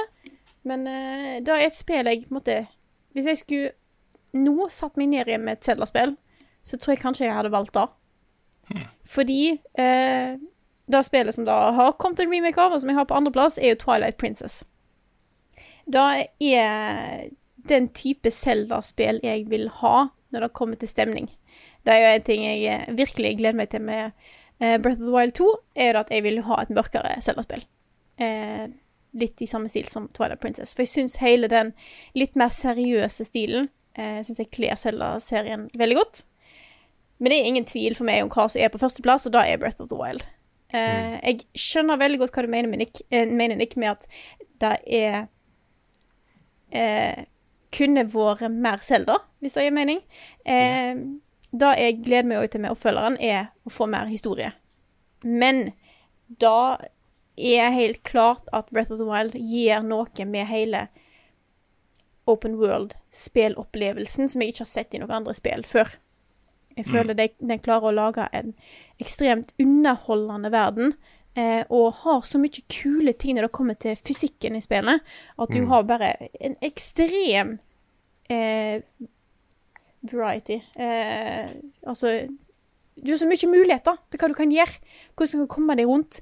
Folk eh, driver jo og breaker det fullstendig til, eh, til speedruns og sånt, og det syns jeg Ja. er veldig festlig. Speedruns så er kjempegøy. ting ja, for du har så mye ting der innad i fysikk. Eh, fysikken i spillet som du kan, kan lure på kule måter. da har jeg veldig sans for. Så for meg så er det Breath of the Wild på, på topp. Det er nok ganske åpenbart, tror jeg, da, at Nintendo har på en måte ofra litt den der klassiske Zelda-historien. Den der Heroes Journey-historien. For å kunne levere et, et eh, spill som fokuserer på open roll, da, og eksperimentering og utforsking og spille i ditt eget tempo, ta tingene i rekkefølgen du vil, og alle de tingene der. Eh, og det var også et savn for meg mens jeg spilte da. Men um, jeg syns liksom når det kommer til Hyrule Castle og tar det der siste oppgjøret med Clamity Gannon, uh, og får sett litt liksom rester fra hvordan det var der for 100 år siden, uh, osv., så, videre, så fikk jeg liksom litt den derre uh, Heroes Journey-følelsen tilbake. da Etter Mm. å ha surra rundt og gjort gudene veit hvor mye annet i den verden er. Yes. Så for meg så, så ble det på en måte en slags konklusjon da, eh, på den storybiten av spillet som, eh, som gjorde at OK, det er greit, det er en Zelda-historie her som jeg liker.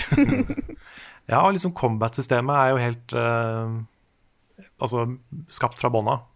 Mm. Men det som er kult å se, er jo at det er jo egentlig ganske likt det aller første Zelda-spillet. Sånn oppbyggingsmessig. At Mm. det, det var jo veldig open world. Mye mer open world enn de som kom etter. Mm. Så det virker som, det, det virker som en nesten sånn uh, reimagining av det aller første Zelda. Så oppsummert eh, Wildcard-spalten. Nintendo vet hva de driver med når de lager spill. I hvert fall med, med inhouse-seriene sine, så gjør de det. Ja, Grei konklusjon, Frida. Hva er Varenes best, hvor var fredag sist? Har Carl egentlig sopp? Ukens spørsmål. Tar et koronaspørsel i dag òg, tror jeg. Jeg innser at eh, når, eh, når folk Hvis det er folk som skal seinere i tid skal ta igjen level backup, eh, så blir det mye korona. Ja da, Eh, men det er jo Men det, sånn er det bare. Det Ja. er, dette, er, dette er nåtida vi lever i. Så vi tar Ja. et spørsmål her fra Petter L. Aasen, som skriver Nå som hverdagen har stoppa opp, hva gjør dere for å ikke gå fra forstanden?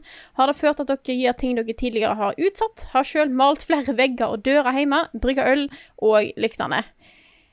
Ja, hva er det vi Vi gjør? jo altså, I hvert fall Karl Karen og jeg, da. eh, er jo en litt spesiell situasjon fordi vår hverdag er omtrent lik. vi har, har jo sittet mye med hjemmekontor og surra med tinga våre, liksom. Vi har det.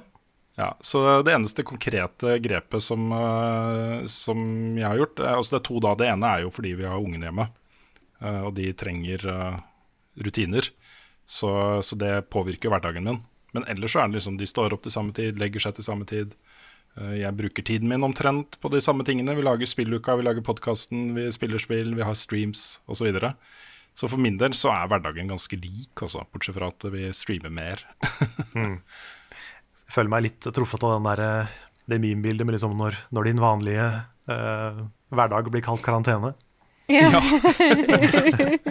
Men eh, nei, det, det er ikke så mye jeg gjør. Jeg har egentlig klart meg ganske fint fram til nå, men jeg begynner å merke litt brakkesjuka nå, eh, etter to uker. Fordi den der følelsen av å ikke skulle gå ut er den største, største utfordringa, syns jeg. Mm. Men um, Nei, det, det er jo det åpenbare. da. Vi streamer jo mye mer. Og det er jo sosialt, og det er hyggelig. Og jeg føler jo Vi snakka litt om det før, at jeg føler jo litt sånn ny purpose med det. Eh, At, vi, at det Det er jo en utrolig kjip, fæl tid, men det at eh, vi har den plattformen vi har, det, det gjør at vi kanskje kan være litt nyttige for noen. Mm. Eh, Så det, det er kanskje den største tingen. Det at vi er mye mer live. Ellers så er det ikke så mye. Jeg har blitt mye flinkere til å bruke maten jeg har. Altså liksom fryse brødskiver og tine de til frokost. Uh, sånn type ting. Uh, og føler liksom at OK, kanskje hvis jeg kan spare litt penger, kanskje hvis jeg kan liksom være litt flink på, på det jeg har her, så kan jeg få en liksom motivasjon av at jeg blir bedre på det. Mm. Så det er liksom Det er gjort. Og så er jeg jo litt heldig, da, fordi jeg har jo veldig kort god avstand til kjæresten, så vi kan jo fortsatt treffes. Det er veldig hyggelig. Det er veldig bra. Så vi trenger ikke å ta noe kollektiv eller noe sånt for å, for å møtes. Jeg har eh, endelig begynt med noe som jeg har tenkt på en stund, men som jeg ikke har tid til, for ting har vært veldig travelt de siste månedene. Nå har jeg endelig begynt å se på hva jeg skal gjøre med det nye akvariet mitt. Det kjøpte jeg jo i høst, eh, så nå har jeg begynt å se på eh, Google litt sånn eh, aquascaping, plante, litt sånne ting. Jeg har begynt å planlegge litt der, for jeg vet jeg har funnet en leverandør som sender planter. Så jeg har tenkt å få satt opp da i løpet av de neste ukene. Det blir et par uker til jeg må få bestilt det, og så tar det noen vek, eh, tar det en uke eller to før jeg får det, og så og så videre og så videre. Men eh, så da har jeg tenkt å starte opp igjen. Og så eh, nå Jeg er veldig glad i å lage mat. Det er en ting jeg eh, syns er veldig gøy. Eh, lage gode middager og sånt. Og da, som jeg ofte gjør i helgene, er da, da kan du lage ting som skal stå og koke lenge. Eh, fordi da er en hjemme. Men nå er jeg jo hjemme hele tida! Så eh, nå har jeg mulighet til å teste ut litt mer ting som skal stå og holde på en stund. Eh, det syns jeg er veldig gøy. Eh, teste ut litt nye sånn retter og sånt. Så det er, det er planen, egentlig. Ja. Ah, dere gjør så mye forskjellig, mens her kommer jeg til Jeg skal endelig prøve å se ferdig Breaking Bad igjen, jeg, da. Det, The- the third time's the charm. Så skal jeg endelig prøve å bli ferdig. Ja, for jeg husker ikke feil. Du ser, Når du prøver på det, så starter du fra begynnelsen av igjen, ikke sant? Ja.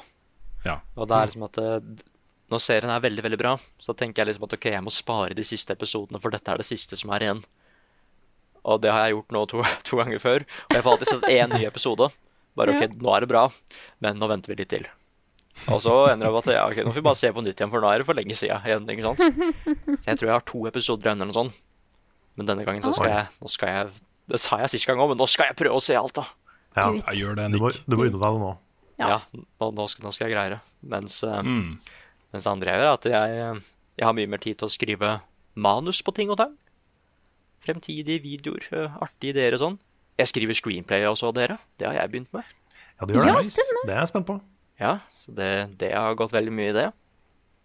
Nei, for jeg har liksom der at jeg, jeg har uh, hatt hjemmekontor i noen år nå. Men jeg har hatt liksom tre forskjellige ting. da. Den ene er liksom YouTube, andre er develop, og den tredje er bare alt mulig frilans, logo, bilde, video-greier. Ikke sant? Men alt det er liksom skjøtta ned nå. Den tredje, i hvert fall. Så jeg kan fortsatt gjøre YouTube og level up, men det er dere sier at den streaming-greia føles litt Jeg prioriterer den så mye mer nå. Det føles litt mer viktig. Mm. Så da, da har jeg alltid mest fokus Jeg prioriterer det. Fokus på det. Og så har jeg Breaking Bad og manus og sånn ved siden av. Ja. Rett og slett. Høres bra ut. Yeah. Noen som har et nytt spørsmål eh, på lager? Jeg kan, jeg kan ta et her fra Martin Haukeland. Oh, For det er det mange som har lurt Nick, Nick på. skulle si noe. Å ja, skulle du si noe, Nick? Altså, Beklager. jeg, jeg, hadde, jeg hadde et spørsmål, men ta ditt først. Å ja, sorry. Jeg, um, den, den, Discord svelget det du sa der, så jeg hørte ikke at du sa noe. Det går fint. Ta med ditt Mm, skal etterpå, du- Nick. Ok, så det tar jeg mitt. Kjør på. Martin Haukeland spør Har det noe å si for dere hvor jeg ser det dere legger ut. Får dere inn mer penger av at jeg ser opptaket fra stream på YouTube kontra opptak på Twitch? Kjente at jeg måtte bli Patronbacker igjen nå, selv om jeg fortsatt er student. Står på og fortsetter med uh, å holde en Fifa-gamer oppdatert på en hel verden. Hey. Så hyggelig. Um, Ja, ja, veldig hyggelig. Det spørsmålet får vi ganske ofte, og det har ikke så mye å si. Nei, Det er liksom- Nei den, eh, altså, vi, det, det er såpass lite å tjene på reklameinntekter på YouTube i Norge. Du må ha Mm. liksom ganske mange hundre tusen views før, det, før du begynner å merke det. Mm. Uh, så om du ser det på Twitch eller om du ser opptaket på YouTube, har ikke mye å si. Teknisk sett så er det vel bedre på YouTube, men det er så mikroskopisk lite at det ikke tenk på det. Men det har ikke noe med at vi får opp views på de lengre videoene som er bra, bedre for algoritmen sin del. Jo, det er noen sånne ting også. Den Så derre fancy ikke- algoritmen med stor A. Ja. Jeg vet ikke Algoritmen er en sånn der mørk sky som henger over YouTube, som ingen Ja. forstår, men som alle prøver å manipulere. Uh, Ja. vi, er litt, vi er heldige som har Patreon, så vi kan drite litt i den algoritmen med en del ting, i hvert fall. Ja, altså Utgangspunktet her er jo at det som hjelper for, mest for oss, er jo om folk uh, blir Patronbackere Ja. med noen, eh, noen dollar i måneden. Det er det, det er det som hjelper oss. Det er det. Det er helt sant. Så det er grunnen til at du ser veldig mye capslock på YouTube, og veldig mange crazy gærne ansikter i thumbnails, og ringer rundt ting og dritt og møkk. Det er pga. algoritmen. Ja. Og det er også grunnen til at vi ikke gjør det. Det er fordi vi har Patreon. Så slipper vi å måtte deale med sånn drit. Mm. Yes. Nick. Ja, for eh, Sondre Endre Femmen spør I Nick sin gjennomspilling av Journey for første gang så møtte han Slagathor. har noen i redaksjonen opplevd noe lignende? Og hvordan har det påvirka deres opplevelse og oppfatning av spillet? Har dere Jeg- møtt en Slagathor? Jeg ble Jeg kjente at jeg Jeg skulle så ønske at jeg hadde samme opplevelse som deg, Nick, for jeg spilte mest aleine. Jeg, jeg tror jeg møtte én person sånn én gang, men så bare stakk de av. Så jeg fikk en veldig sånn aleine-opplevelse gjennom Journey. Men jeg så jo når du spilte at det er jo det som er den beste opplevelsen. Så jeg tror hvis jeg hadde fått den opplevelsen som du fikk, så hadde nok Journey vært høyere på liksom personlig topp ti for meg. Oh. Mm. Det tror jeg. Men har du møtt en Slagathor noe annet sted, da? Jeg kan huske Hmm. at jeg eh, Jeg husker ikke om Jo, dette må ha vært For jeg har spilt, jeg har spilt World of Warcraft i ulike tidspunkt. Eh, på ulike plasser. Eh, jeg testa en private server en gang. Eh, det var første gang jeg testa det. Men jeg tror dette var da jeg spilte liksom ordentlig en periode. Og da var jeg i et veldig lite, men veldig koselig guild. Og der var det var liksom Det var ikke så mange som var med, men de som var med, var veldig aktive liksom i chat og sånne ting. Eh, så da husker jeg at det var veldig mye sånn Med en gang jeg Så jeg var litt med og snakka litt eh, der og sånne ting. Og da var det sånn når en på en måte når en, når en logga på, så var det alltid andre som sa 'Å, hei, du kom på', eller sånne ting. Og det husker jeg var veldig sånn inkluderende og veldig koselig. Åh. Mm. Mm.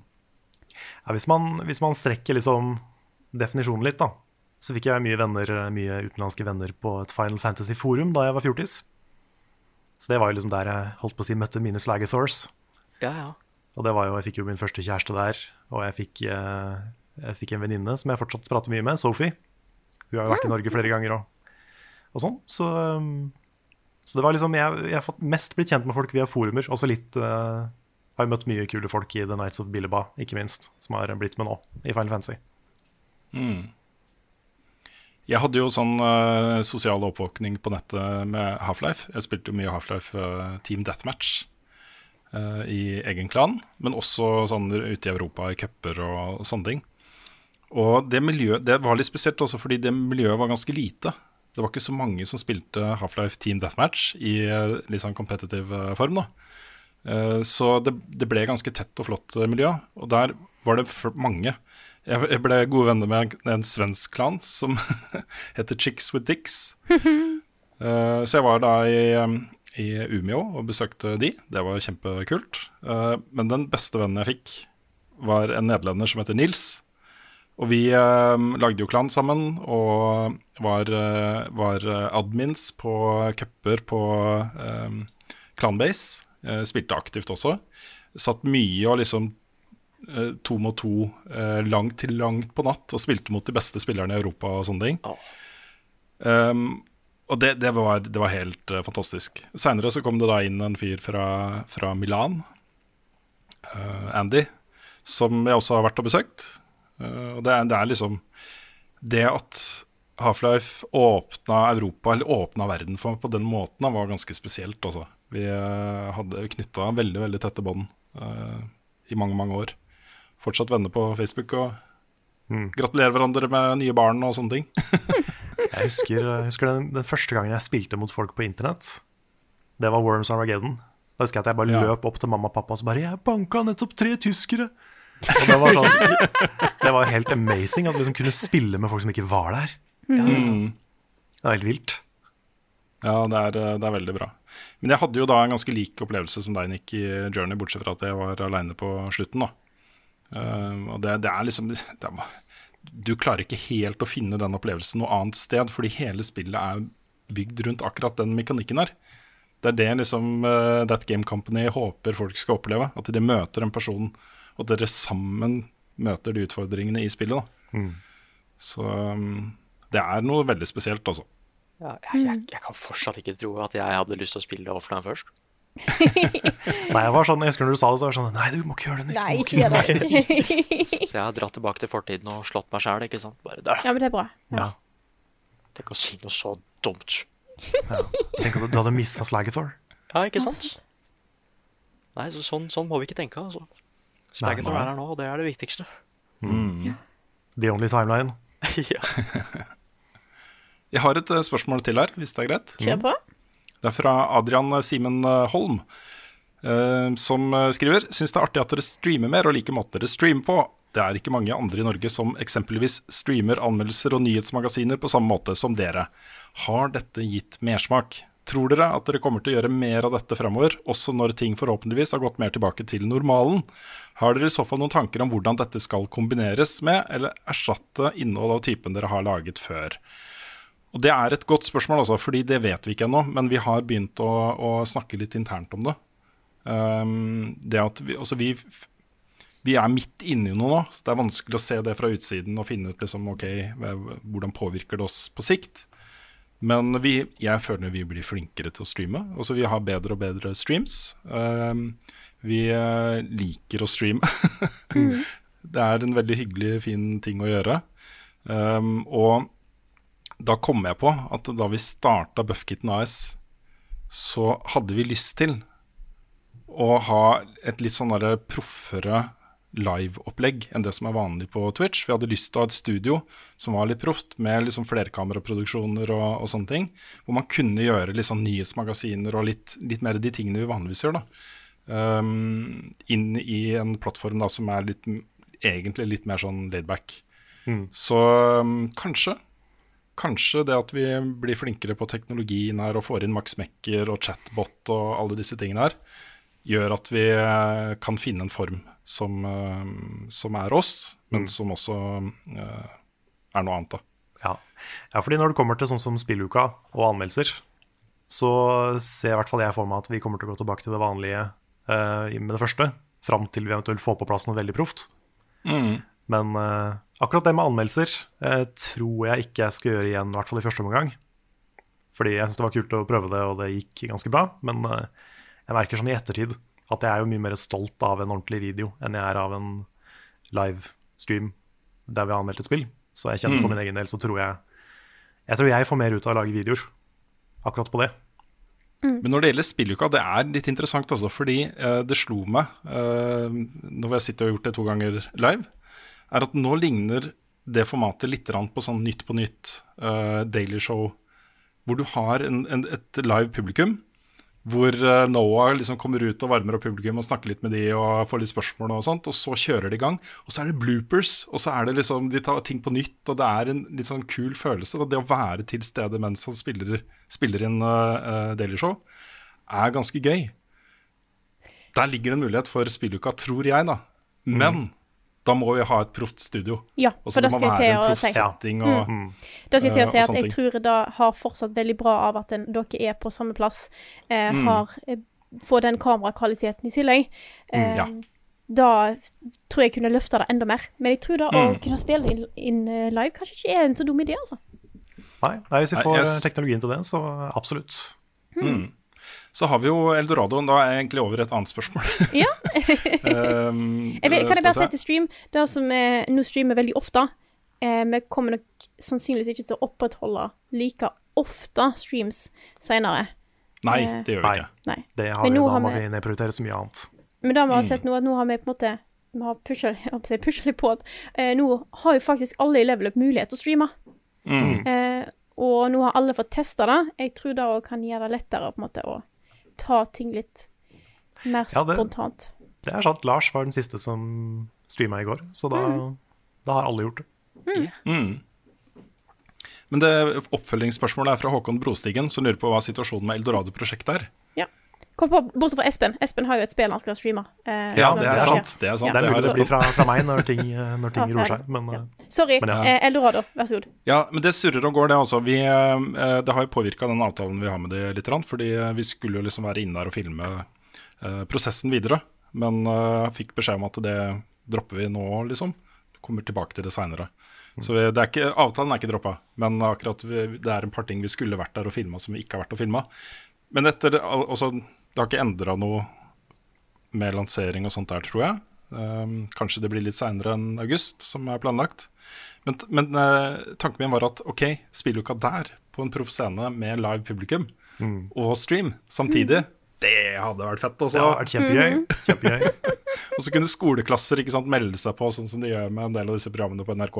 Hvor du tar en klassetur til Oslo, til storbyen, og så går de på McDonald's, og så går de på NRK og sitter i studio på et eller annet. Ja, ja. ja, ja. Og nå kan de gå og kjøpe boblevaffel hvis de vil. Og Ja, De viktige tingene. nettopp. Nick har funnet så et der ligger det en mulighet. Og, Mm. Stemmer det. ja. Nei, men Eldorado går videre, og der der er de all in, liksom. Dette er en kjempestor eh, satsing som det investeres massevis av penger i. Uh, og det, det er ikke noe som har, skjedd for å endre det, da. Ja. Yeah. Jeg kan ta et spørsmål her, hvis det, hvis det passer. Kjør på. Det er fra uh, Njål Stian Børdal. Han spør hvor går grensen for hva som er retrospill, og hva er deres retrofavoritter? Min grense kryper stadig oppover med alderen, men tenker fortsatt at skillet går et sted rundt Nintendo 64.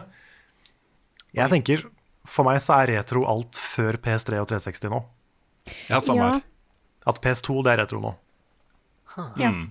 For GameCube er retro. We er ikke retro for meg ennå. Nei, jeg også er der. Mm. We er sånn nesten, men er ikke helt. Ja, for Wii er en sånn mellomting, fordi at du har Wii U innimellom alt dette her òg. Mm. Men jeg føler Wii trenger et par år til. Fordi at det, det ser fortsatt jæklig bra ut, ass. Ja. Å, det er et så rart spørsmål. Jeg tenk, når jeg tenker på retro, så tenker jeg det som var før meg.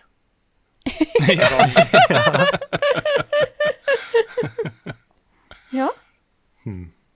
Ja, det er ikke godt å si, altså. Dette er en ting vi òg har jeg vet, vi har diskutert litt underveis, og jeg har tenkt på sjøl. Når det kommer til spill som kvalifiseres for å være med i klassikerspalten. For der òg må det på en måte Hvor setter vi grenser for hva som kan være en klassiker? Hvor langt bak i Mm. tid må det være, liksom? Jeg tenker i utgangspunktet at alt kan være en klassiker, så lenge man kan argumentere for at dette er Ja. Altså, jeg, jeg, vi kunne laga et klassikerinnslag om God of War, syns jeg. Hvis vi hadde begrunna det bra. ja.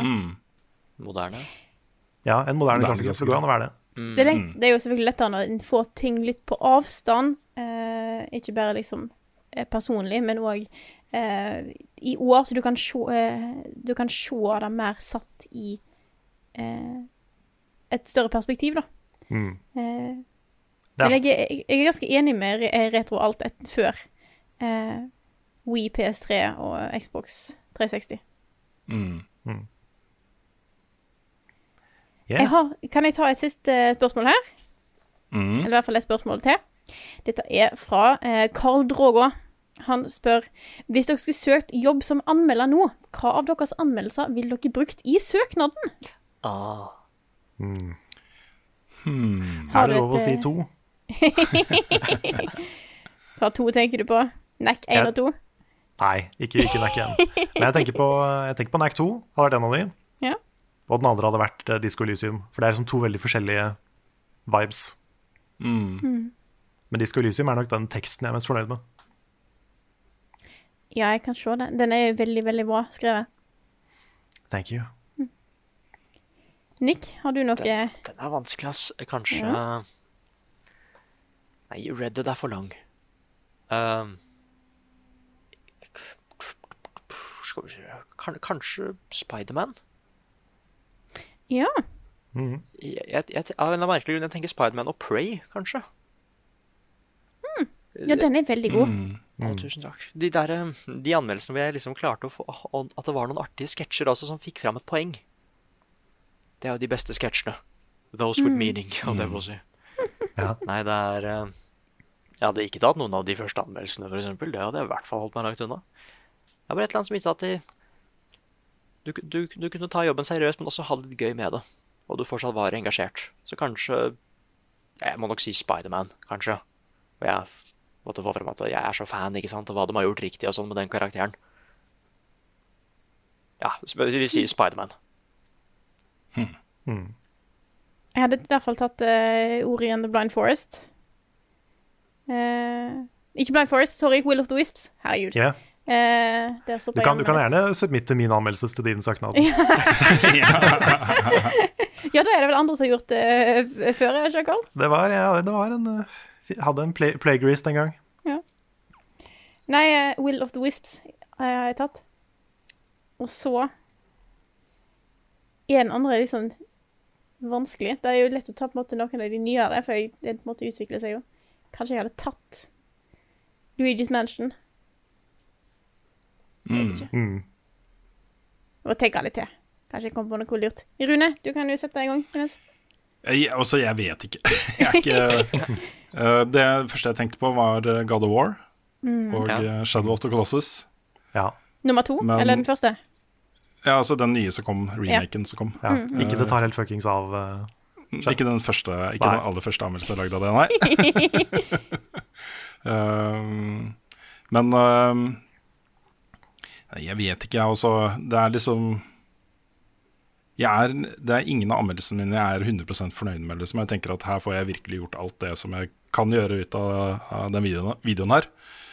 Så det er ingen som skiller seg sånn markant ut. Den som jeg, den som jeg er mest fornøyd med konseptmessig, var jo Inside-anmeldelsen min. Men uh, den også er sånn at fader eller også skulle ha hatt en kameramann og skulle ha spilt inn på en annen lokasjon og gjort det litt uh, proffere, liksom.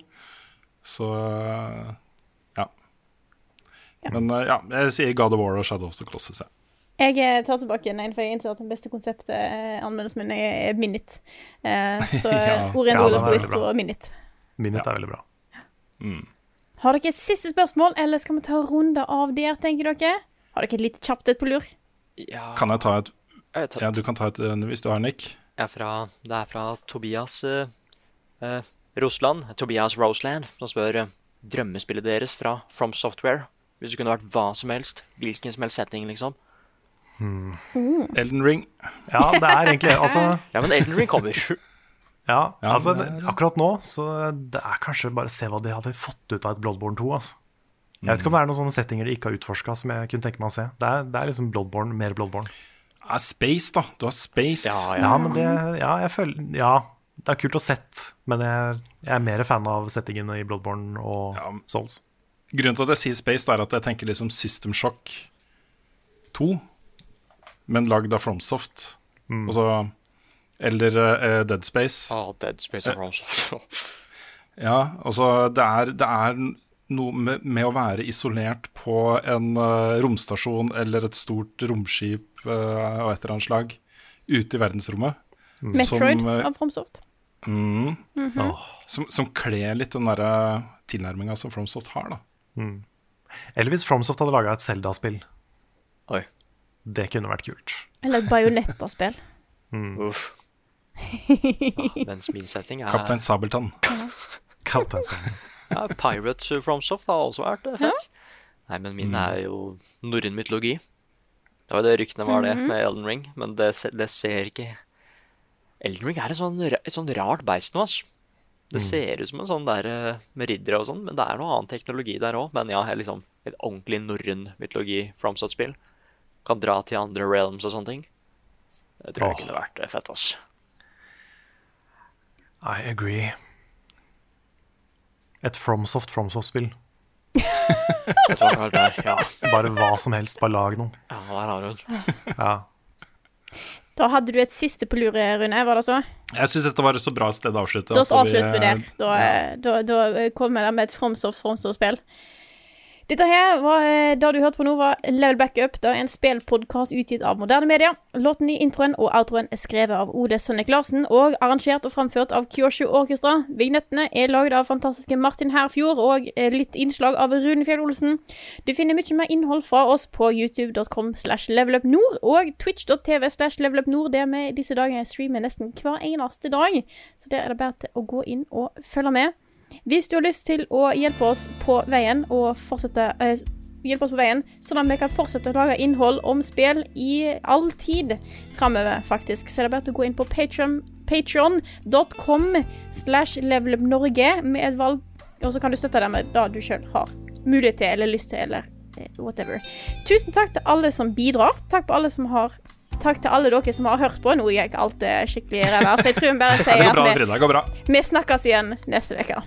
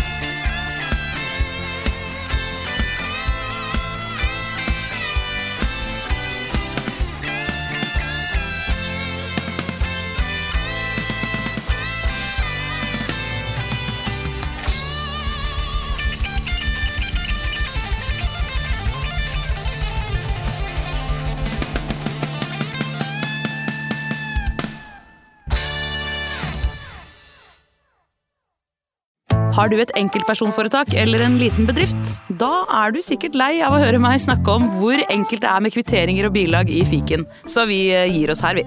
Fordi vi liker enkelt. Fiken superenkelt regnskap.